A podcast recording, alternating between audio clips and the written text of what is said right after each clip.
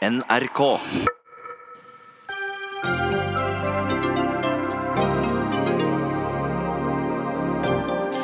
Arbeiderpartiet evaluerer tidenes dårligste lokalvalg og skal satse på klima frem mot stortingsvalget i 2021. Men klarer de å stå i spagaten mellom miljøforkjempere på den ene siden og oljeforkjemperne i LO på den andre? Isen smelter og havet stiger i et raskere tempo enn noen kunne se for seg, konkluderer ny FN-rapport. Forby fossilbiler i morgen er et drastisk forslag som Klimadepartementet får i fanget i Dagsnytt 18. Bodø blir europeisk kulturhovedstad i 2024, men mens kulturministeren for all del vil gratulere, kan hun ikke si noe om staten kommer til å bidra. Og hvorfor tør ikke Den norske kirken snakke om at synder fører til fortapelse?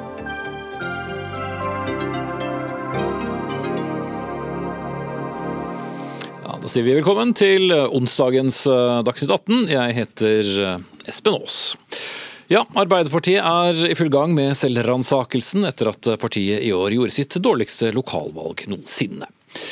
Partiet har i to dager hatt landsstyremøte, som i dag ble avsluttet bak lukkede dører med å snakke om hvordan partiet skal jobbe fremover, og også evaluere årets valg. Mange medlemmer har etterlyst en klarere profil i store og viktige saker. Og Partileder Jonas Gahr Støre, i talen din til landsstyret i går, så sa du at klima blir én av de viktigste, sakene frem mot eh, valget i 2021, men én, ikke den viktigste. Jeg mener det er vår tids viktigste sak. Men den spiller jo inn i veldig mange politikkområder. Arbeid, hvordan vi organiserer samfunnet, hvordan vi bor. Og vi skal gjennom kutt nå fram mot 2030, som er en stor utfordring, men som også gir store muligheter. Så ja, det er én stor, viktig sak, men skal vi lykkes, så må vi altså gjøre ting på veldig mange områder som, som handler om andre politikksatsinger også. Mm. Eh, men betyr det at det f.eks. kan være aktuelt å gjøre som Arbeiderpartiet gjør i Oslo, og samarbeide med, med, MDG? Ja, Nå begynner du i den enden som vi mener er helt feil å begynne med. Vi skal jo utarbeide politikken vår. Vi har en veldig sterk uttalelse fra vårt landsmøte i april om klimakutt. Klimapolitikk som også skal innebære industripolitikk. Vi skal utvikle nye arbeidsplasser, de skal være lønnsomme. Og som vi sa sammen med LO i går, vi skal leve av å redde klima. Det er sånn vi må tenke. Eh, og Da skal vi utarbeide den politikken, og så skal vi finne ut hvem vi kan få gjennomført den med. Så tar vi det i den rekkefølgen. Hvorfor har dere ikke utarbeidet den politikken tidligere? Jo, det har vi jo. Arbeiderpartiet, for å gå helt tilbake til Gro Harlem Brundtlands tid, bærekraftig utvikling, eh, mål om å kutte utslipp, mål om å utvikle Norge. Nå har vi ikke hatt regjeringsansvar på seks år, men vi har jo i våre alternative budsjetter trukket opp et budsjett mot 2030 hvor vi viser de kuttene vi må gjøre, hvordan vi kan gjøre dem. Men det er en stor og krevende oppgave. Det krever at hele samfunnet er med på det og medvirker. Og jeg tror da at Arbeiderpartiet, som lytter tett til arbeidslivet, til industrien, utvikler den, mye av løsningene ligger i industrien, er godt i posisjon til å kunne faktisk få gjennomført de kuttene på en måte hvor vi også skaper nye arbeidsplasser for, for framtiden. Mm. Men hvis dette har vært med dere helt siden Gro Harlem Brundtlands tid, så trenger dere ikke å tenke nytt? Jo, men eh, derfor sier jeg at dette kommer til å bli en av de store sakene i programprosessen vår nå. Eh, og det brukte jeg etter landsstyremøtet å si. Vi skal evaluere et altfor dårlig valg. Eh, der gjorde vi dårlig valg i lokal Eh, rundt om i kommunene våre. Eh, nå viser det seg at vi kommer ut godt på styringssiden i norske kommuner. Vi kan komme til å styre opp mot 60% av der hvor folk bor i, i Norge. Men vi har et valg som må bli mye bedre, bl.a. for å gjøre den jobben. Hvis vi skal gjennom de endringene Norge skal, på en måte som har et positivt fortegn, og vi skaffer oss nye muligheter, så er jeg overbevist om at Arbeiderpartiet må bygge seg sterkere. Mm. Men det med å spisse sakene og fokusere sakene, hvis da eh, klimasaken som du sier er en av de viktigste, egentlig er en arbeidslivssak, egentlig er en industripolitikksak eh, osv., går det da an å spisse det budskapet? For da flyter den jo ut til å være en del av mange Budskapet... saker. Mens andre partier har jo åpenbart kapitalisert veldig på å nettopp snakke mye om klima, og kanskje ha det som sin eneste sak. Ja, Men jeg tror ikke du kommer til å lykkes med dette om dette som din eneste sak. Og i denne valgkampen så ble det de som elsket eh, bomringen, de gikk til ett parti. De som hatet bomringen, gikk til et annet, for å si det sånn. Det, der ble Arbeiderpartiet stående i midten. Men og ikke fikk så mange. Nei, men hva er spissen i dette? Halvparten av vår nedgang kom i de tre største byene, bl.a. berørt av dette.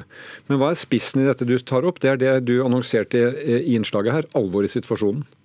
Det som skjer med, med klimaet på jorda, og Norge, hva Norge må gjøre med det. Og Jeg er overbevist om at Norge kan gjøre mye med det. Vi skal oppfylle våre forpliktelser, kutte fram mot 2030 40% Men vi må jo også spørre oss selv, kan Norge gjøre ting som også får betydning i verden? For det nytter ikke bare hva vi gjør i Norge. Og da tror jeg også at industrien blir en del av løsningen. Klarer vi å fange og lagre CO2? Klarer vi å utvikle nye bærekraftige energiformer, sånn som havvind, kanskje hydrogen? Da må du kanskje enda lenger perspektiv enn 2030? Det har vi ikke tid til. Derfor må vi sette inn kreftene på en måte som vi ikke har gjort tidligere. Og de uh, ukene og månedene vi har nå fram mot valget 2021, nytt program, skal vi fylle det med innhold som folk tror på, og som ser er retningen. Og Det kommer til å kreve det meste av oss, og det beste av oss. og jeg synes det er en av de mest motiverende tingene du kan drive med i politikken. Mm. Men noe som blir vanskelig, er jo da noe annet jeg annonserte i starten av, nemlig den spagaten som da er mellom uh, klimatiltak på den ene siden og oljeindustri eh, på den andre siden, som jo f.eks. Eh, en av dine viktigste støttespillere, jo LO, eh, har sine sterke meninger om. Og som de mener at det å annonsere en nedstengning av, av oljeindustrien i, i nærmeste fremtid er bare tull. Ja, og det er noe ikke Arbeiderpartiet går inn for. Vi har et landsmøte som sier at vi skal utvikle, ikke avvikle. Vi skal kutte utslipp på norsk sokkel. Husk på det at norsk oljeindustri er en del av et europeisk system som skal få utslippene ned. Vi samarbeider med andre land i Europa. Og jeg tør påstå at I norsk industri så kuttes det i utslipp egentlig hver dag, fordi man tar i bruk ny teknologi, effektiviserer, gjør ting bedre. Det må vi fortsette med å gjøre mer. Men utslippene stiger, det ble punktert i FN eh, denne uken ja, også. Og det er alvorlig, og vi skal ha dem ned. Og så får vi en stor utfordring ved at om lag halvparten av våre utslipp kommer fra sektorer som ikke er omfattet av disse kvotene som eh, bl.a. industrien er en del av. Eh, transport, avfall, bygg, landbruk osv. Der skal vi ned over 40 Eh, kanskje opp mot 45 og 50. En kjempejobb. Og da er mitt poeng at Hvis du sender et budskap til industrien at du skal stenge den ned, her er sluttdatoen, da forsvinner kapitalen, da forsvinner fagfolkene. Eh, da får vi ikke utnyttet det som industrien er. Og jeg er helt overbevist om at Industrien, fagarbeiderne, kunnskapen der sitter på løsningen til vår klimautfordring. For vi må gjøre industri på nye måter.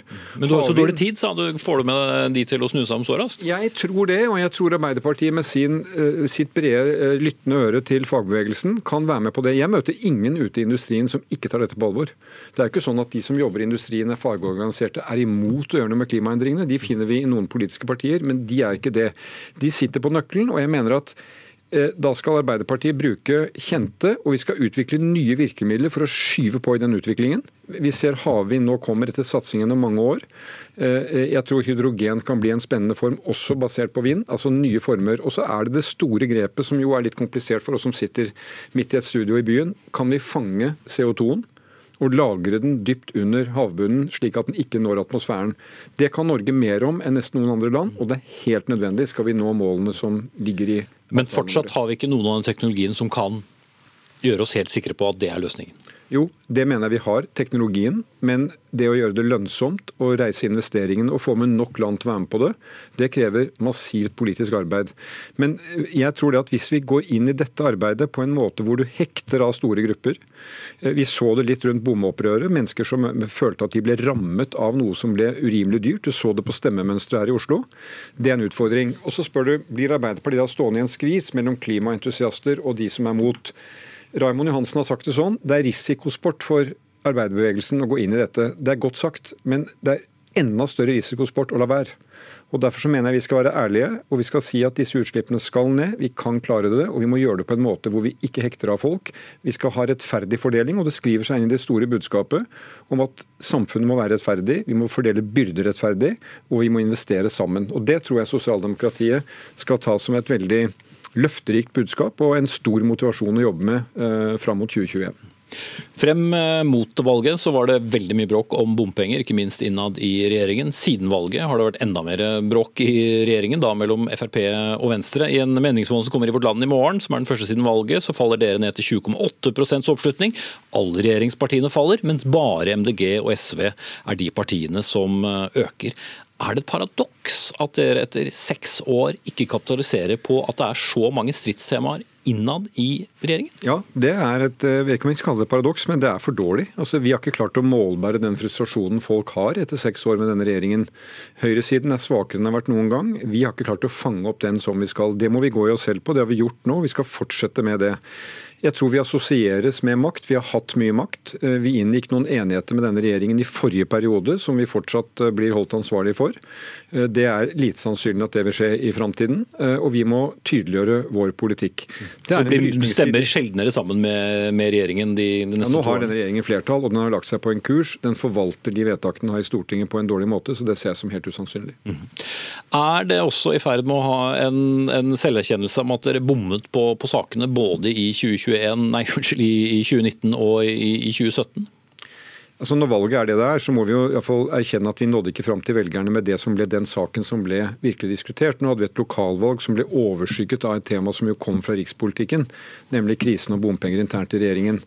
Og veldig mange av det, og det er jo til ettertanke at Når vi da har et lokalvalg som skal handle om skole, om eldre, om det man driver med i kommunene, så kommer disse nasjonale temaene inn og tar overhånd. Og Det mener vi må tenke grundig gjennom. Hvordan organiserer vi valgene i Norge når, når det skjer og blir, blir utfallet. Men for oss er ikke noe Kunne bare hatt bedre saker da, enn Ja, og det er riktig. Det er riktig. Jeg mener vi hadde uh, bra og viktige saker som vårt landsmøte sto sammen om. Men vi var åpenbart ikke godt nok i stand til å få dem til å sette dagsordenen. dagsorden. Så har vi må jo si også gjort gode valg noen steder, som jo viser oss at det handler også om Det kan jo alle partier si. Jo, men uh, vi kan si det fordi vi kan da lære av hva er det vi gjør riktig der. Og hvordan kan vi gjøre det som parti sammen. Og dette møtet vi har hatt nå i to dager, tror jeg har motivert oss til å, til å lære av de gode erfaringene, gå i oss selv. og og, jobbe godt i de to årene som kommer. Jonas Gahr Støre, jeg sier foreløpig takk, så kan du høre på noen meninger om veien eh, videre. For vi skal snakke mer om klima, som vi gjorde innledningsvis, og stiller nå spørsmålet hvilket ansvar tar den norske fagbevegelsen, som vi også var eh, innom. Uh, ifølge en kronikk i Dagens Næringsliv så er nemlig det ansvaret som fagbevegelsen tar eh, lik null. Lars Martin Mediås, du er nestleder i Næringspolitisk forum i Oslo Arbeiderparti, og du skrev denne kronikken sammen med Tor Egil Brådland, som er SV-medlem. Svaret er altså null? Ja, det er i hvert fall altfor lite, og mye mindre enn forventer. Fordi, null er jo ingenting, da. Null er ingenting, og vi forventer egentlig det, altså, det, er jo veldig viktig for oss å ha fagbevegelsen med på laget. Eh, og nå bruker de energien på å få oss til å lete etter nye oljefelt istedenfor å utvikle nye næringer. Og som Jonas sier, Det er en kjempejobb det vi skal gjennom. Og det å da stritte imot og fokusere på det gamle, det binger oss ikke framover. Og der er vi litt skuffet over LOs og Industri Energis innsats. Ja, Frode Alfheim, du representerer vel da dette gamle, da. Eh, leder av LO-forbundet Industri og Energi. Står det så dårlig til med deres forståelse for miljø og klima? Nei, altså jeg vil jo faktisk uh, slå meg litt på brøstet på vegne av forbundet for at vi over ja, godt over 40 år har vært med og vært en del av løsninga og ikke bare utfordringa. Hvordan har dere vært en del av eh, løsningen? Jo, altså Hvis vi går tilbake til 70-tallet, når vi fikk miljøvernminister, man begynte å ta tak i de utslipp som var til kanskje først og fremst med tanke på miljø på den tida, så har vi jo vist at vi greier å produsere mer med mindre energiforbruk. Eh, og med økt produktivitet. Samtidig som vi altså gjort en stor innsats for at vi skal unngå utslipp til, til natur. Mm. Det også, det, og det er òg noe som er veldig viktig for de som jobber i industrien. Som jo faktisk skal ha gått inne på de verkene og fått skal vi si, utslippene direkte på kroppen. Mm. Altså Det har jo gitt både bedre arbeidsmiljø og forlenga liv for de som jobber i industrien. Så det kan jeg jo garantere at vi er opptatt av. Men utslippene har jo økt? Eh, så, ja, men altså, Det syns jeg egentlig at jeg vil gi honnør til Jonas Gahr Støre for at han egentlig har redegjort for hvordan vi forholder oss til, eh, til den biten. Eh, det høres litt ut som at vi er et gjeng med klimafornektere. Og Jeg vil egentlig advare mot å komme med sånne bastante meninger som at vi faktisk er null. Vi er opptatt av klima og klimadiskusjon på lik linje med alle andre. Vi, skjønner, jo, hør, vi skjønner at vi er nødt til å forholde oss til at klimadebatten er der. Vi må leve innenfor holdt på å si, det som er de internasjonale vedtak som er gjort. Det betyr at vi stiller oss bak holdt på å si, Parisavtalen, at Norge har tilslutta seg den. Våre industrier, både den landbaserte, men òg den offshorebaserte, har levert veikart som sier noe om hvordan vi skal jobbe for å være enda bedre, enda renere i årene framover, sånn at vi skal være med og bidra. Og så er det sånn at Vi er jo tilslutta altså for kvotepliktig sektor, altså det, det europeiske ETS, som er hvordan Europa skal møte eh, Parisavtalen. Og Innenfor det så er det faktisk sånn at vi, vi har kutt per i dag, og vi kommer til å ha enda drastiske kutt eh, fra, fra, i årene framover. Og I tillegg så er det sånn at vi har faktisk levert så bra i løpet av bare to-tre år på de veikkortene vi har laga, at vi faktisk nå forskutterer jeg holdt på å si, arbeidet med å bli enda bedre. Okay. Og Det er da jeg syns det er bra at lederen i Arbeiderpartiet sier det han sier. For da inviterer han til en diskusjon eh, altså innenfor uh, å Men... utvikle industrien i stedet for å avvikle den. Og Da skal vi stille okay. opp med de krav som vi blir møtt med, for vi trenger politiske vedtak. Mens du, Lars Martin Medios, sammen med Tor Egil Brådan skriver at i en slags misforstått omsorg for sine medlemmer har oljenæringen de siste tre tiårene vært beskyttet av LO som om den var en rødlisteart. Eh, det er jo sterk eh, kost, men, eh, men, dette står det for. Ja, vi mener det er dekning for det. For eh, hvis han tok Hopsi, sine egne ord på alvor og sier at han, han skal eh, følge opp Parisavtalen, så vet vi at vi har mer olje allerede nå enn det vi kan utvinne. Det betyr full stopp i leting etter ny olje, hvis han mener det han sier. Men jeg tror ikke Industri Energi mener at vi skal stoppe å lete etter ny olje. Og ifølge Industri Energis egne hjemmesider så frykter de en masseledighet allerede fra 2025 fordi det ikke blir leting, hvis det ikke blir leting etter nye felt. Jeg vil si da at da har faktisk Industri Energis egen lobbying for sine medlemmer resulterte i en situasjon hvor dere mener at massearbeidsledighet er en reell fare. En men, men Hva slags ansvar skulle Alfheim uh, tatt på vegne av, uh, av sine medlemmer? Fordi veldig mye av denne omstillingen her er å utvikle ny teknologi. og Da trenger vi industrien og vi trenger eh, energiselskapene. Og For oss i Arbeiderpartiet så er det helt avgjørende at selvfølgelig vi må ha fagbevegelsen med på laget, og vi må være helt sikre på at folk har en jobb å gå til. Og Det blir jeg mindre og mindre sikker på eh, når omstillingen ikke kommer i gang. Mm. Alfheim. Ja, nå skjønner jeg jo at de er medlemmer av samme parti, og jeg skulle ønske at de var enige om at det det å utvikle som er liksom veien å gå. Og jeg tror at vi skal utvikle ny industri samtidig som vi videreutvikler den industrien vi har. Men er det skal, en god skal, plan? Jo, men altså, det, det, er en god plan, for at uh, vi vet at uh, det er den globale klimakampen vi må vinne. Veldig mye går innenfor energibransjen. Og så vet vi også at eh, Tar du en framskrivning av hva det som er det internasjonale energiforbruket i 2050, så vil fremdeles olje og gass være en vesentlig del av den miksen. Altså Andelen vil gå ned, men den vil fremdeles være en vesentlig del av den miksen. Og Da mener jeg at vi har et ansvar i forhold til den globale klimakampen å levere den reneste olja som gir minst utslipp av CO2. Men Det er jo det oljenæringen alltid sier, at norsk jo, det, olje er jo så ren, norsk gass er jo så ren, så det er bidrag alene. For hvis vi stenger ned bare sånn som noen foreslår, så betyr det jo ikke at eh, oljeindustrien slutter å, å lete etter å produsere eh, olje og gass, så lenge det er en global etterspørsel. Og Da er det viktig at det er den reneste, og i det landet som òg kan fortsette å være pådriver for å utvikle ny teknologi, ikke bare for at det gjør olje og gass eh, renere, men òg uh, gi Norge de, de, nye føttene vi skal stå på når at olje en gang tar slutt. Men det budskapet er blitt gjentatt så mange ganger at det nesten er gnagsår ja, i noens uh, høyttalere i dette studio. og det som, Jo, jo, det er i orden. Men det som er min utfordring, eller mitt spørsmål er jo hvorfor går ikke den argumentasjonen hjem hos de som da mener at klimakampen ikke går raskt nok. Altså, jeg har aldri hørt noen bli overbevist av eh, argumentet om at eh, norsk olje og gass er så ren? Jeg tror jeg har, kan si at det har gått eh, godt gjennom. Som sagt, vi lever innenfor de rammene og de, de license to drill som det norske storting gir oss. Og Der behandla man en mini-oljemelding så sent som i juni 2018, altså litt over et år siden. Da tror jeg at 92 eh, av Stortingets medlemmer sa at man skal eh, fortsette innenfor de rammebetingelsene som vi har, altså en langsiktighet, som òg gir en mulighet til å investere i, i, i bedre klimatiltak. Men eh, det vi må ta inn over oss, at det kommer til å bli stilt strengere krav til hvordan vi skal drive vår næring, og, strengere krav i forhold til det med lokale ringvirkninger. Og Det er utfordringer vi bare må ta. Mm. Og Medios, eh, hvis du skulle gitt en utfordring til eh, partilederen når det gjelder eh, partiets krav overfor den delen av fagbevegelsen? Jeg tenker at Vi spiller jo egentlig på samme lag her. Hvis man f.eks. kunne utvidet leterefusjonsordningen sånn at den gjaldt også de som har kostnader til å utvikle hydrogenteknologi, eller til de som leter etter kreftmedisin f.eks. At man stimulerer gründerskap med de virkemidlene som har vært så vellykket for å få en så stor og viktig oljenæring. Der kan jo faktisk Industri Energi ha veldig mye å lære til resten av eh, partiet. Ja, Jonas Gahr Støre, du skal få runde av eh, dette. og Dere tilhører altså alle tre i hvert fall det samme universet, men det, det høres ikke alltid sånn ut. og Det er vel der er en Men, del eh, utfordringer der. Vi må jo ha åpenhet for debatt om så viktige, store spørsmål. La meg si det sånn, jeg tror ikke på ideen om å si at nå bestemmer vi en sluttdato, kutter alt. Da vil fagfolkene forsvinne, teknologien forsvinne, kapitalen forsvinne, og vi mister den muligheten vi Ja, har. det, det sa du også i sted. Etterspørselen etter olje og gass kommer til å gå ned. Slik at de som investerer i dette, de vet at, de, at det er scenario, og det er et ønsket scenario, og så skal vi lykkes med dette med fangst og lagring. Men det siste Medios sier, jeg er da uenig i hans utgangspunkt her, om at, han, at de ikke har gjort noen ting eh, på arbeidsplassen og i fagforeningene. Tvert imot. Vi har hatt en eksepsjonell utvikling i norsk industri, og vi skal være stolt av denne industrien. Men det siste han sier, er et godt poeng. At en del av de ordningene vi har hatt for å stimulere utvikling innenfor olje og gass, de må vi bruke innenfor de nye næringene. Fra kreftmedisin til hydrogen og til andre eh, bærekraftige energikilder. Og Det er noe av det programarbeidet vi skal jobbe med. Hvordan vi kan utløse sånne gulrøtter som gjør at de investeringene blir attraktive. Så får vi se om det påvirker både utslipp og målinger. Takk skal dere ha, alle tre. Jonas Gahr Støre, leder av Arbeiderpartiet. Frode Alfheim, leder av Industri og Energi i LO. Og Lars Martin Medjås, nestleder i Næringspolitisk forum i Oslo Arbeiderparti.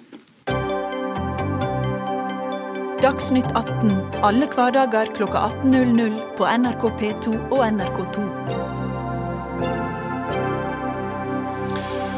La meg også si at eh, vi senere i sendingen skal snakke mer om klima og miljø og den nye FN-rapporten som ble sluppet i dag, som eh, advarer om kortere vintre og et raskere stigende havnivå. Men først skal det snakke om, snakkes om både begeistring og om penger, for eh, det ble altså klart i dag, til stor jubel, noen gledestårer og faktisk også noen høye gledeshopp, at Bodø blir europeisk kulturhovedstad. Det til tross for at det fortsatt mangler adskillig med penger for å få det til. Bodø fikk nemlig tydelig beskjed om at, det ikke var, at de ikke hadde sikret finansiering fra staten da de søkte om å bli det. Men eh, ja, du har kanskje ikke jazzet opp denne stemningen i dag, da, kulturminister Trine Skei Grande, som ikke kan garantere at Bodø skal få noe penger fra, fra staten for å bli europeisk kulturhovedstad? Nei, men det jeg har sagt alle gangene jeg blir spurt i dag, er et kjempestort gratulerer til Bodø, som, eh, som klarte å, å få denne utnevningen i dag. Og et, nå håper jeg at vi skal jobbe sammen, at vi skal se hvordan vi skal gjøre dette til et best mulig prosjekt. At det skal ha ringvirkninger utenfor Bodø by, men at det skal, både skal være noe for regionen og for landet. Hvorfor er det vanskelig å garantere støtte? Fordi det er et budsjett som er langt fram i tid.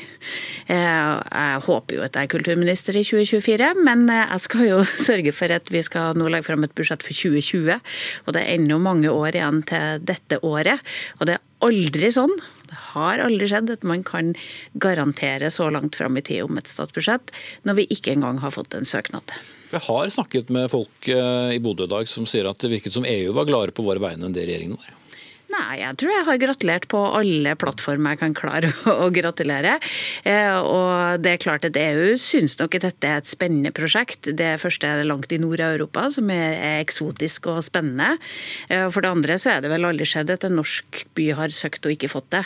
Eh, Vi blir sett på som et land som er i stand til å legge tyngde bak denne type søknader, og få til mange store prosjekter. Så vi var ikke overraska over at Bodø fikk det, så det var, det var vi ganske forberedt på. Men når det er såpass langt frem i tid, som du selv gjør poeng ut av, eh, da burde det nesten være enklere å kunne sikre en eh, finansiering enn om dette var noe som eh, måtte skje innenfor inneværende budsjettår?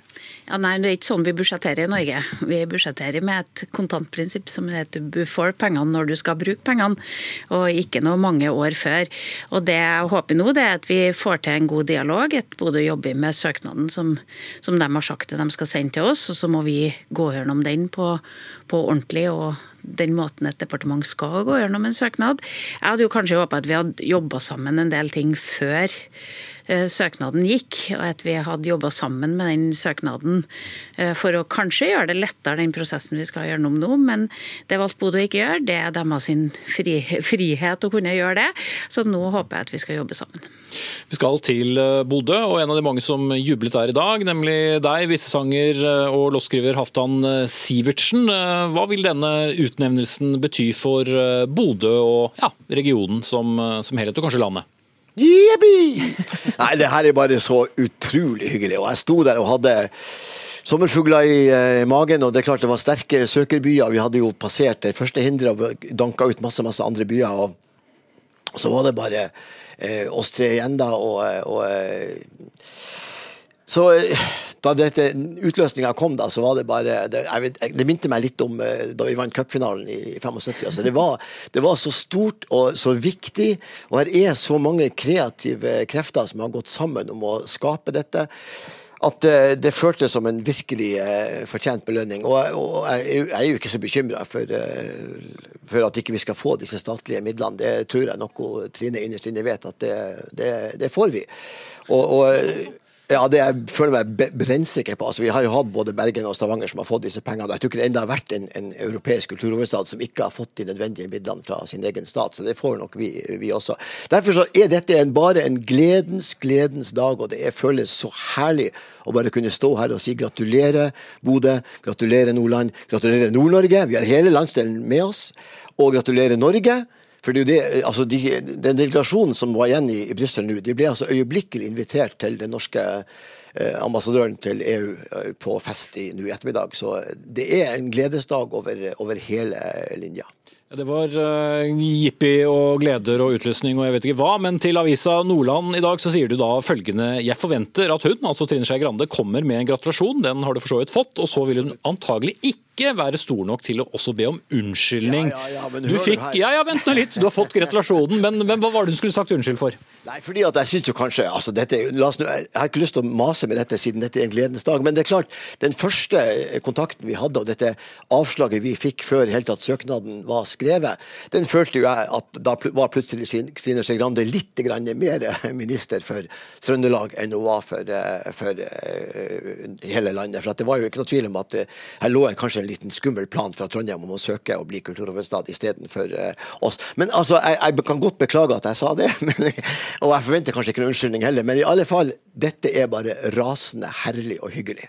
Hurra. Ja, Det var jo ikke så mye å, å reagere på her, Trine Skei Grande. Men det er jo flere som vi har snakket med også, som har vært litt eh, nervøse og tror at du ikke vil love penger til Bodø, bl.a. fordi eh, noen vil søke om penger til eh, Trondheims jubileumsår i 2030, som jo er enda lenger unna. Ja, nei, det, og det er helt uaktuelt nå, for nå har Bodø fått det, så det er ikke noe diskusjon heller. Og, og det, det, er nok litt konspirasjonsteori. Jeg merker det at av og til så er jeg trønder, og av og til er jeg Oslo-arrogansen. Så det, det varierer litt varierer litt. Jeg, er kjempeglad for at Bodø fikk det. Og eh, nå kommer ikke Trondheim til å søke, det er ikke noe diskusjon engang.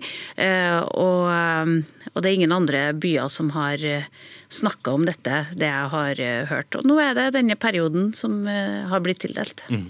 Helt uh, utnevnelsen før ei dame vet jeg ikke om du får fra Halton Sivertsen i dag, men vi skal snakke med en kvinne som står ved hans side, nemlig Ida Pinnerød, som er nygjenvalgt ordfører i Bodø fra Arbeiderpartiet. Og du har både jublet og hoppet i dag, uh, har vi sett. Hvor glad ble du å høre på kulturministeren? Nei, eh, for det første så er jeg fantastisk glad for den eh, avgjørelsen som vi har fått eh, fra EU i dag. Og så er jeg veldig glad for at kulturministeren ønsker å samarbeide med oss videre om dette. fordi at dette er et viktig prosjekt også for Norge. Det er en fantastisk anledning til å bringe inn den arktiske dimensjonen til EU og knytte Europa nærmere til oss. Sånn at jeg er helt sikker på at vi skal finne gode løsninger. Så er det jo sånn at det jo, altså Vi opplever jo at vi har samarbeid med departementet nå over tid. og Det var tre uker siden vi hadde det siste møtet med dem og la plan for hvordan eh, vi skulle eh, sende denne søknaden, når tid vi skulle sende den eh, til departementet. og Planen er at den skal sendes før desember, og at, at vi gjør det da i overensstemmelse med departementet. Så Vi opplever at vi har hatt godt samarbeid med departementet etter de rundene som vi for så vidt hadde i forrige runde, men jeg opplevde da også at kulturministeren var imøtekommende, så at vi var enige om hvordan vi skulle gjøre dette videre. Og så er det det som jeg syns er veldig hyggelig òg i dag, det er jo det at denne fagjuryen fra EU peker på eh, kvaliteten i eh, Bodø kommune sin søknad. og Det syns jeg også er viktig å dra fram. Altså, det er en eh, søknad som har mange gode kvaliteter i seg. Jeg er veldig, veldig stolt av den jobben som alle de folkene som har vært involvert, har gjort. Men la meg være den kjedelige som kommer med alt det praktiske her. Da. For eh, det var nå disse pengene og denne statlige garantien som dere gjerne vil ha. Hvor mye vil dette koste, og hvor mye penger trenger dere fra staten for å gjøre publikum som, eh, som følger med på sendingen litt klokere nå? Det som vi har skissert for hele kulturhovedstadsåret, inkludert årene før, altså de fem årene nå fram mot det året, det er en totalpakke på 300 millioner, der man fordeler 100 mellom fylke og kommune, 100 eh, på privat næringsliv og 100 på stat. Eh, og Dette har vi vært klar på hele veien. og Planen sammen med departementet har vært at vi skal sende inn den søknaden til departementet innen desember, dersom vi ble kvalifisert. Det fikk vi jo vite at vi ble i dag. Og Da er, mener vi at vi er godt i rute i forhold til å gjøre det. Så jeg er helt sikker på at dette skal vi finne gode løsninger på. Og så er det viktig for meg å si at dette er jo en søknad som hele Nordland og Troms og Finnmark har stilt seg helhjertet bak. Kommuner i hele landet har stilt seg bak det. Eh, kultursamarbeidet i Nord-Norge har stilt seg bak det. Og det er mange som ønsker å få dette til, nettopp fordi at vi ser at det kan skje utrolig mye bra kulturutvikling og samfunnsutvikling i Nord-Norge som et resultat av dette. Og det er vi veldig glad for. Og så må det jo være lov å minne litt også om at uh, uten at man skal føle seg for stemoderlig behandlet her, sånn at altså 100 millioner til, eh, til, Nordland i denne sammenhengen, det er jo faktisk ganske lite penger. F.eks. så skal det jo brukes over 15 milliarder kroner i Oslo på kulturbygg og på kultur de neste årene. Så, så vi, det, dette er egentlig eh, ganske små midler vi snakker om i, i den store sammenhengen. Silje Hjemdal, du eh, sitter i familie- og kulturkomiteen på Stortinget for Fremskrittspartiet. Dere er kritiske til denne pengebruken. Hvorfor det? Nei, jeg vil først og fremst si det at jeg sitter et spørsmålstegn med om det er en gledens dag. Om det er en gledens dag for alle. Eh, for det at jeg kjenner godt til at det er mange som har stilt eh, spørsmål rundt finansieringen av dette. Det er faktisk ikke alle i dag som jubler og hopper. Nettopp fordi at disse da over 300 millioner kroner vil bety at man bruker nærmere én million hver eneste dag i et år på fest. Mange mener at eh, de eh, pengene hadde kommet mye bedre eh, til anvendelse andre steder. Man er bekymret for at dette skal gå utover regionen som, som, helhet, med at regionen må stå samlet om at det er nettopp akkurat her man har lyst til å bruke disse pengene vil dette bety reduksjon i tilbudet til barn og unge, f.eks. innen kultur og, og, idrett eh, ellers. Så jeg stiller meg spørsmålet om folk flest står bak dette. Og jeg syns det er viktige spørsmål å stille, nettopp fordi det er snakk om utrolig mye penger. Burde staten stille opp med en tredel? Jeg eh, mener det, og Fremskrittspartiet mener det, at dette er veldig mye penger, og at dette er penger som kunne vært brukt eh, på annet eh, vis. Det er en lang måte å si nei på? Ja, altså, Jeg skal ikke sitte her og forhånds, forhåndsbehandle noe som helst, for jeg har ikke sett noen søknad, og det er ikke meg som skal innvilge den heller. Men våre folk har vært veldig klar på dette lokalt, og jeg har sett flere kritiske røster til dette. Og jeg forstår det at i trange budsjetter, når du skal prioritere penger, hvis det er 1 million eh, kroner per dag til fest, så mener andre at du burde brukt det til sykehjem, til bedre veier, bedre okay, kollektiv osv. Eh, skal opp til deg en Pinnerød, men eh, en rapport som forskningsinstituttet Iris gjorde i samarbeid med Universitetet i Stavanger, viste at Stavangers status som kulturhovedstad førte til at kulturlivet ja, det ble styrket, men ikke så mye som det kunne og burde blitt. Hva tror du om ringvirkningene for Bodø og Nordland, og for så vidt Nord-Norge etterpå? Nei, det er klart at, eh, og det er viktig for meg å rette opp i den misforståelsen at dette er et år med fest. Dette er først og fremst et eh, stort samfunnsutviklingsprosjekt med kultur i, i fokus. Eh, og Det tenker jeg er viktig å ha med seg. Vi trenger vekstimpulser, vi trenger årsaker for ungdommer til å komme nordover, bosette seg og bli værende i nord. Og Det er en, sånn, en av hovedbegrunnelsene for å gjøre dette løftet for, for Nord-Norge. da. Og, og så er det jo sånn at Vi har lært av Stavanger, men vi har også gått til Liverpool, eh, Umeå, Århus eh, og mange av de andre byene som har vært og er kulturhovedstader, for å lære hva er det eh, de har gjort som har vært bra, som har skapt gode ringvirkninger, og hvor er det de kunne ha vært bedre. Sånn at jeg mener at vi er veldig godt rusta for å nettopp få igjen mye for dette. Og nå har vi noen år til å jobbe med det på, ja, men, og det skal vi gjøre godt. Jeg vil bare bryte da, for Hva da med bekymringen til Hjemdal og sikkert andre tenker på? Hvordan skal du sikre at ikke det å bli kulturhovedstad går utover over de mer eh, klassiske kommuneoppgavene som barn, unge, eldre osv.? Nei, Kultur settes ofte opp mot eh, barn, unge og eldre, men kultur er faktisk en del av livene våre. Eh, og det er en viktig del av livene våre. For det er sånn at Vi må ha noe å leve av, vi må ha arbeidsplasser, vi har masse ressurser her nord. Fisk eh, Men man må ha penger alt. Jo, og så må vi ha noe å leve for. Og hos oss er faktisk en stor, stor utfordring det å beholde ungdommen, få de til å være her, bosette seg her og leve gode liv her. Og Det er faktisk verdt å investere ganske mye i, og det er jeg helt sikker på at ja, både Haltan og kulturministeren er enig med meg i. Og så må jeg få si en ting til. Ja, det må være kort, det. Ja, det skal være kort. For jeg snakka med Frp lokalt i dag, og de sa at går dette inn, så står vi sammen om dette, og det blir et uh, viktig prosjekt for oss. Det er en viktig del av oss som skal lykkes, er at man klarer å jobbe sammen. Og jeg håper jo at dette blir et bra prosjekt for hele regionen og for hele Norge når vi får det i gang. Ida Pinnerød, ordfører i Bodø. Du og Halvdan Sivertsen får gå og spisse blyanter og finne fargestifter og skrive søknad som skal til kulturminister Trine Skei Grande. Og så sier vi takk til Silje Hjemdal fra familie- og kulturkomiteen på Stortinget fra Fremskrittspartiet.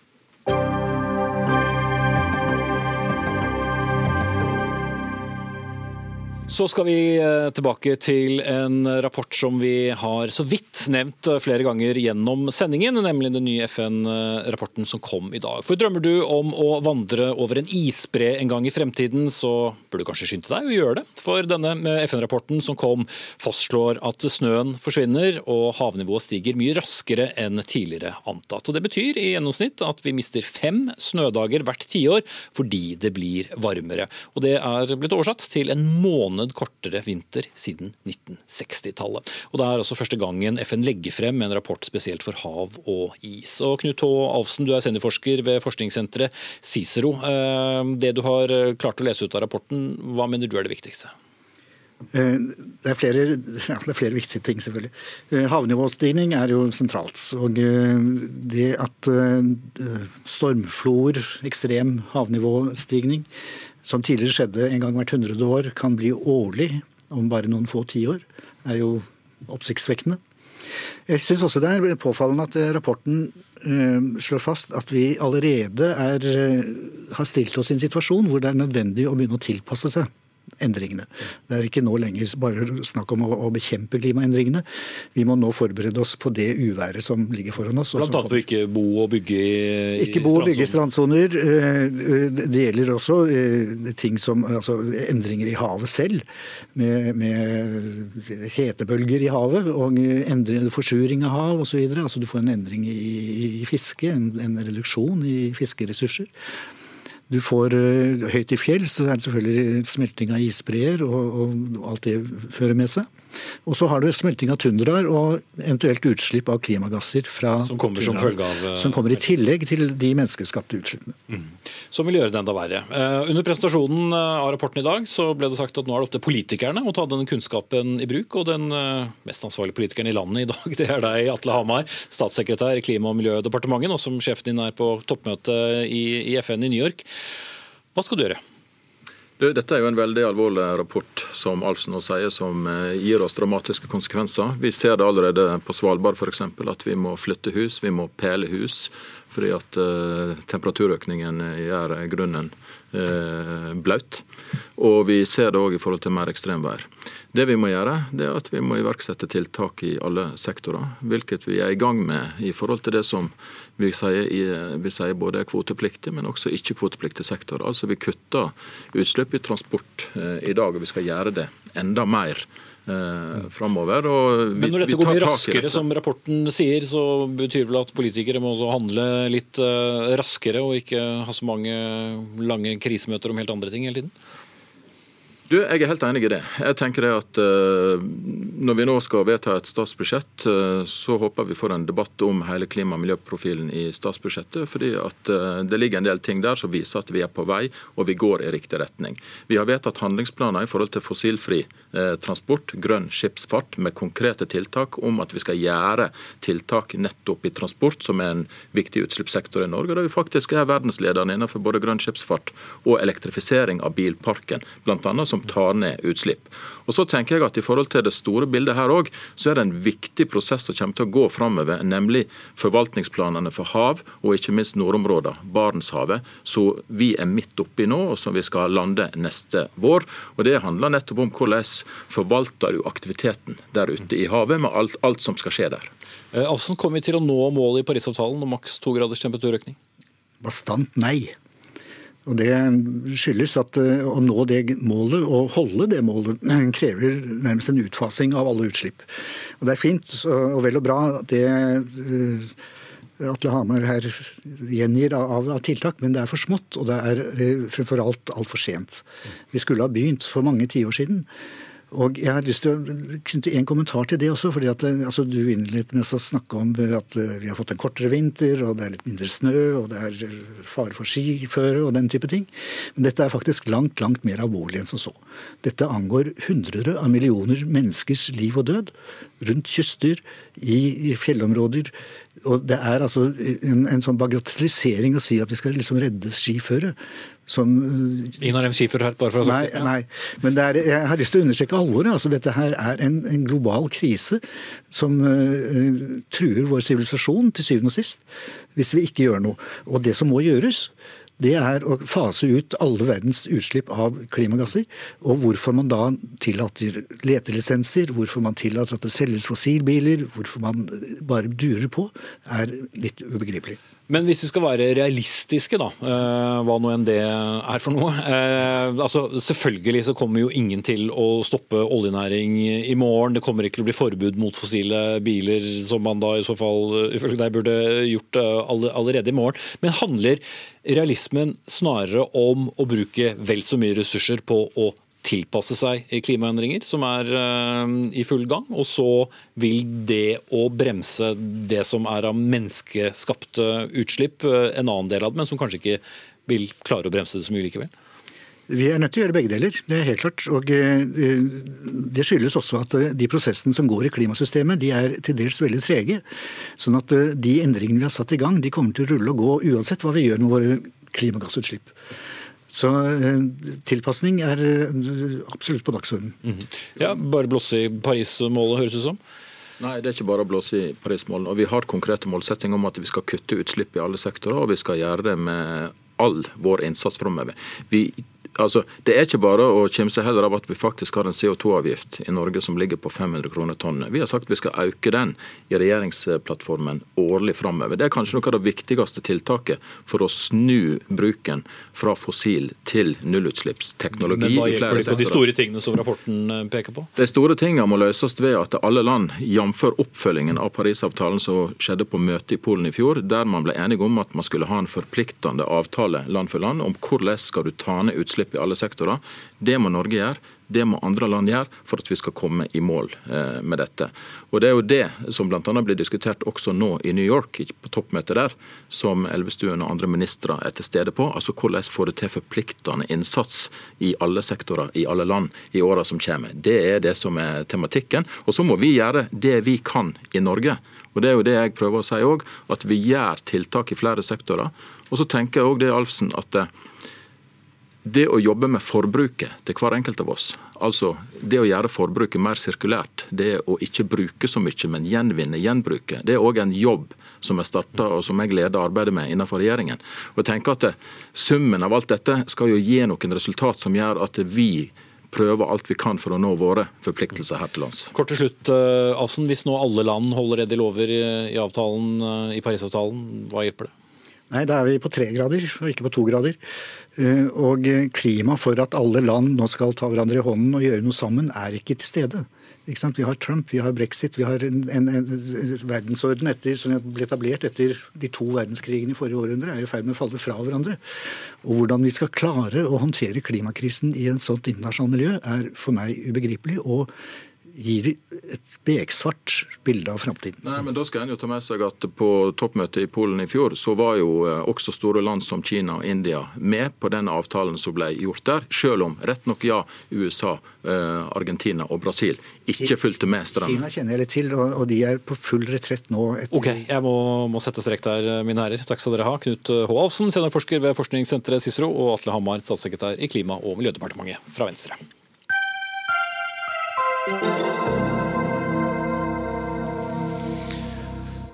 Trump ble nettopp nevnt eh, nå, og vi skal også snakke med ham. For ettermiddag så kom da referatet fra den etter hvert mye omtalte telefonsamtalen mellom USAs president og Ukrainas president Volodymyr Zelenskyj i sommer. Opposisjonen mener at eh, Donald Trump på telefon skal ha presset Ukrainas president til å starte etterforskning av tidligere USAs visepresident Joe Bidens sønn, Hunter Biden. Og Som pressmiddel så holdt Trump tilbake millioner av dollar i støtte til landet. Og Anders Magnus, uh, USA-korrespondent med oss fra New York. Uh, hva, hva, forteller disse utskriftene som også ble sluppet for et par timer siden? Jeg har lest de, og der står det Først at uh, Donald Trump sier at vi har gjort så forferdelig mye for dere i Ukraina. Det har ikke europeerne gjort. Og, men vi har fått lite tilbake, sier han. Så dette er en, en, klar antydning om at de vil ha mer tilbake fra Ukraina.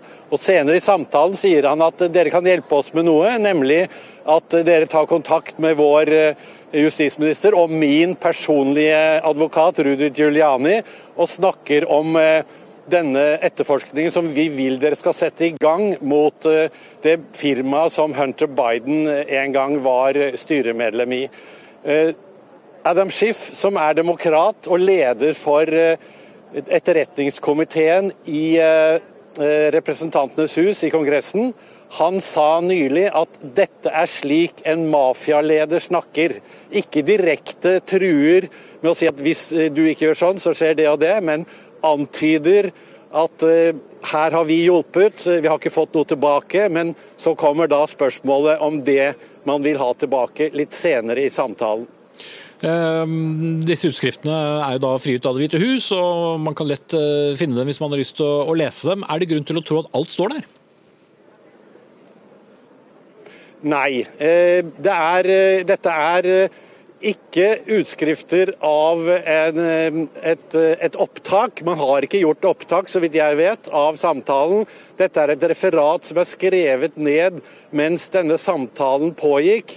Det er fire stykker som har eh, skrevet uh, referat, og så har de, har de sammenlignet uh, etterpå. Men det kan jo tenkes at noe av det er, er forkortet litt for å få med seg det viktigste. Men i tillegg til dette så sies det at en varsler i Etterretningstjenesten eh, skal ha meldt inn flere eh, saker enn akkurat denne samtalen.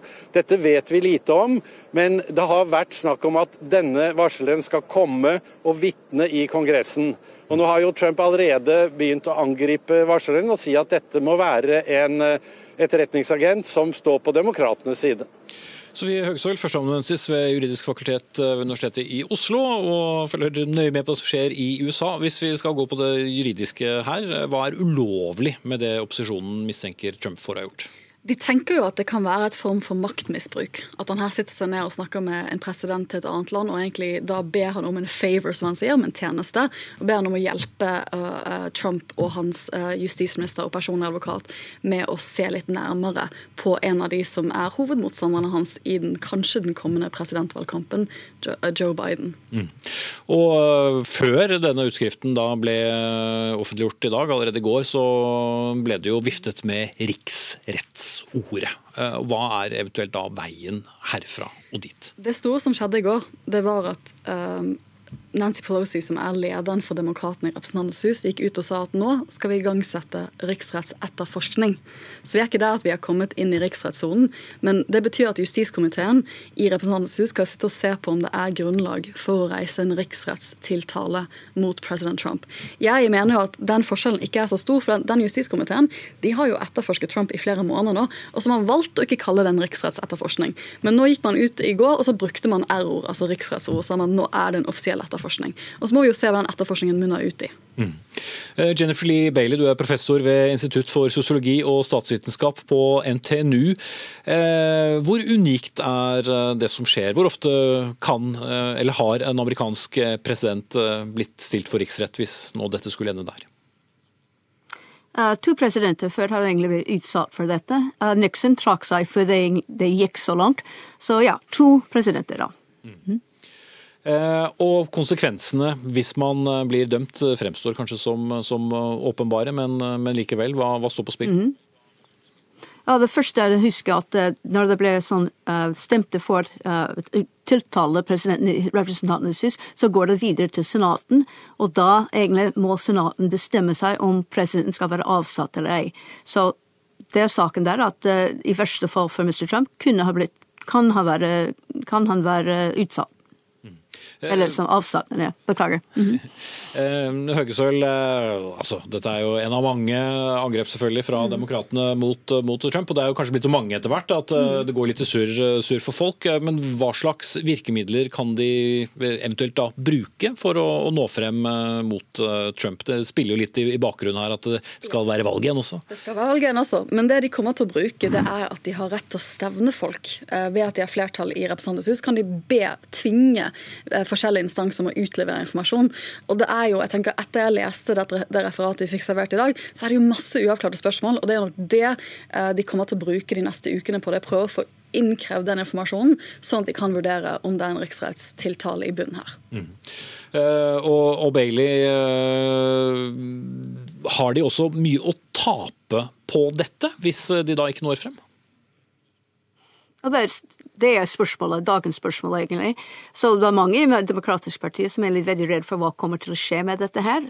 Selvsagt er valget bare sånn 18 måneder unna.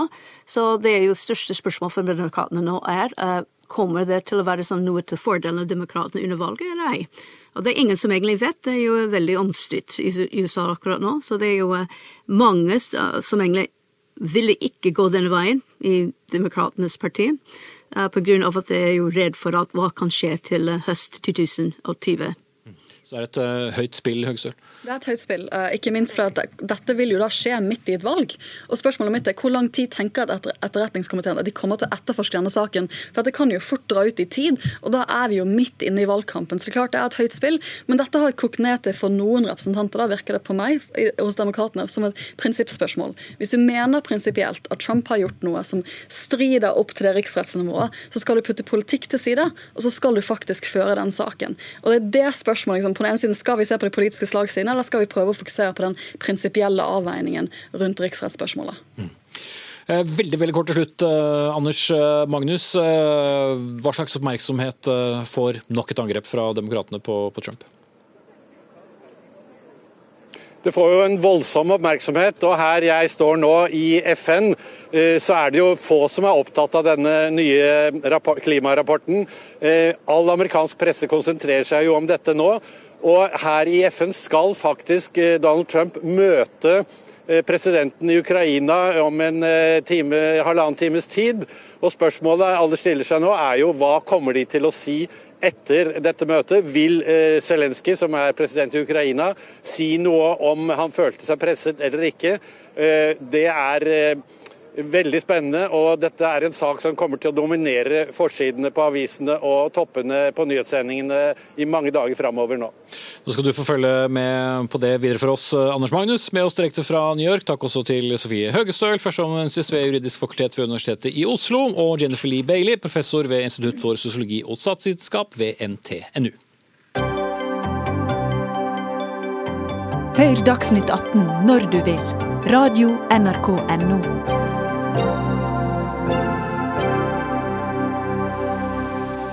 Om man blir uh stilt for riksrett eh, er én ting, og man havner et helt annet sted etter opphold på jorden, noe ganske annet. Debatten har rast både her i Dagsnytt 18 og i avisene, særlig etter at biskop i Borg, Atle Sommerfelt, i sommer tok et oppgjør med predikanten Ald Magnus. Sommerfelt han skrev et brev til samtlige prostier og til preses i Den norske kirke, og advarte mot å bruke denne predikanten pga. en preken den tidligere lederen for Ungdom i oppdrag holdt i Tom kirke i Råde i Østfold i februar.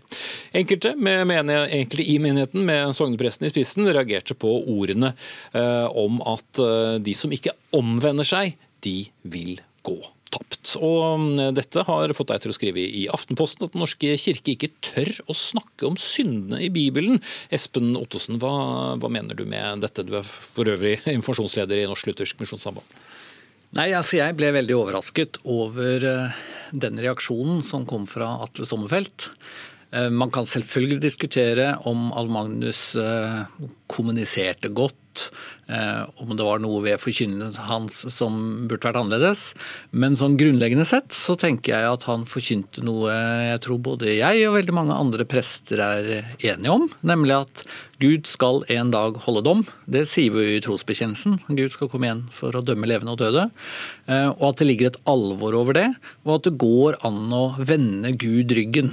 Eh, derfor er omvendelse viktig. Derfor må man ta imot nåde, ta imot tilgivelse. Mm. Og, og kirken, Den norske kirke har, har glemt denne jeg påstår i den kronikken, og jeg har tenkt å stå for det. Så får vi, får vi høre hva Birte Nordahl sier etterpå her. Men, men, jeg tror jo at det er veldig mange prester som er ubekvemme med å forkynne dette. Det kan jeg forstå.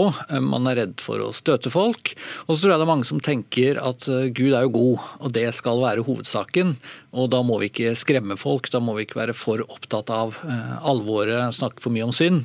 Og som sagt, Jeg kan skjønne det. Jeg ønsker jo at det er nåde og tilgivelse som skal dominere. Men jeg er jo da redd for at um, noe blir borte i forkynnelsen hvis man ikke har det bakteppet at Gud en gang skal holde dom, og da er det viktig å ha sine synder tilgitt. Divisjonspress på Tøyen eh, i Oslo. Birte Nordahl, allerede for så vidt introdusert av Ottesen her. Eh, men tar han feil? Du har reagert på det han sier? Ja, Vi har i hvert fall veldig ulikt innsteg til dette her. Jeg forstår biskop Atle Sommerfelt veldig godt. Ehm, jeg kan forstå behovet for å advare. Om ikke nødvendigvis mot én eller flere konkrete personer, så i hvert fall mot noe som vi vet skaper uro. Ehm, det er få ting Kirken har mye å be om unnskyldning for. Og en av de tingene er hvordan den har skapt frykt.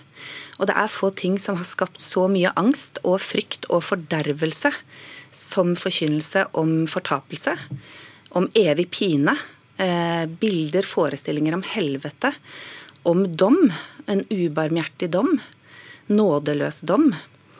Eh, og vi vet at det kan skape dype sår. Vi vet at det skaper fortvilelse og forvirring og skam. Og mange av oss som jobber som prester, eh, vi tar imot mennesker jevnlig noen av oss flere enn eller oftere enn andre, um, som har opplevd dette som utrolig ubehagelig. Mm. Jo, men Alle vi som har lest Bibelen vet jo også at det er jo en del av så kan vi sikkert bruke en time på å snakke om hvordan vi skal tolke Bibelen, men det med det store regnskapet, og, og som Ottesen uh, sier, uh, da blir dømt på, på hva du gjør uh, på jorden. Forholder ikke du deg som prest i så stor grad til det? Jeg forholder meg i veldig stor grad til dom. Jeg mener det er en innmari viktig teologisk eh, kategori. Eh, jeg snakker om det støtt og stadig, eh, men jeg mener at vi må snakke om det annerledes enn Espen og mange av hans meningsfeller. Og En annen grunn til det er at det er ikke bare det at dette skaper uro og uh, angst for veldig mange. En annen grunn er at det også skaper grobunn for kontroll. Vi vet at religiøse miljøer som har en hard forkynnelse når det kommer til fortapelse, Eh, skaper grobunn for kontroll. Mm. Og usunn religion og sekteriske elementer. Mm. Ja, bare halvannet minutt igjen, Odsen. Ja, altså jeg synes Det er veldig interessant det Birtin Nordahl sier om dette med viktigheten av å ikke skape uro. Fordi at Det mener vi jo bare en gang iblant at det er veldig viktig. Det er jo akkurat nå veldig mange som mener at vi må skape mye mye større uro når det gjelder klimaendringen og klimakatastrofen vi er på vei eh, til. Så det store spørsmålet er jo hvis Gud skal en dag holde dom, eh, og det er viktig at vi møter Gud på den siste dag med troen på Jesus. Og Det er på en måte min forkynnelse. Da. Det er det jeg ønsker å stå for. Det tror jeg også var hovedsaken for Alf Magnus. Så tenker jeg at eh, da skal vi være veldig nøye på hvordan vi snakker om dette. Og jeg er redd for å skape sår hos folk, men, men, men likevel så tenker jeg vi kan ikke rygge unna at eh, det ligger et alvor her. Nordal. Det er et stort alvor, og min forkynnelse springer også ut i troen på Jesus. Men jeg bekjenner meg ikke til en gud som er en despot. Jeg bekjenner, meg ikke, jeg bekjenner meg ikke til en gud som sender folk til fortapelse og evig pine. Og Det betyr ikke at man ikke tar domslære eller domsforkynnelse på alvor, men at man forfekter en annen teologi. Ja, det og Det er to en... forskjellige posisjoner som må anerkjennes. sånn at det, Hvis man insinuerer at Den norske kirke eller prester snakker forsiktigere om dom, eller annerledes om dom enn du skulle ønske deg, eller Alf Magnus skulle ønske seg, så er ikke det nødvendigvis en svakere tilbaketrekning eller en uvisshet på om man orker de store teologiske spørsmålene, men en forvaltning av erfaringene menneskene forteller.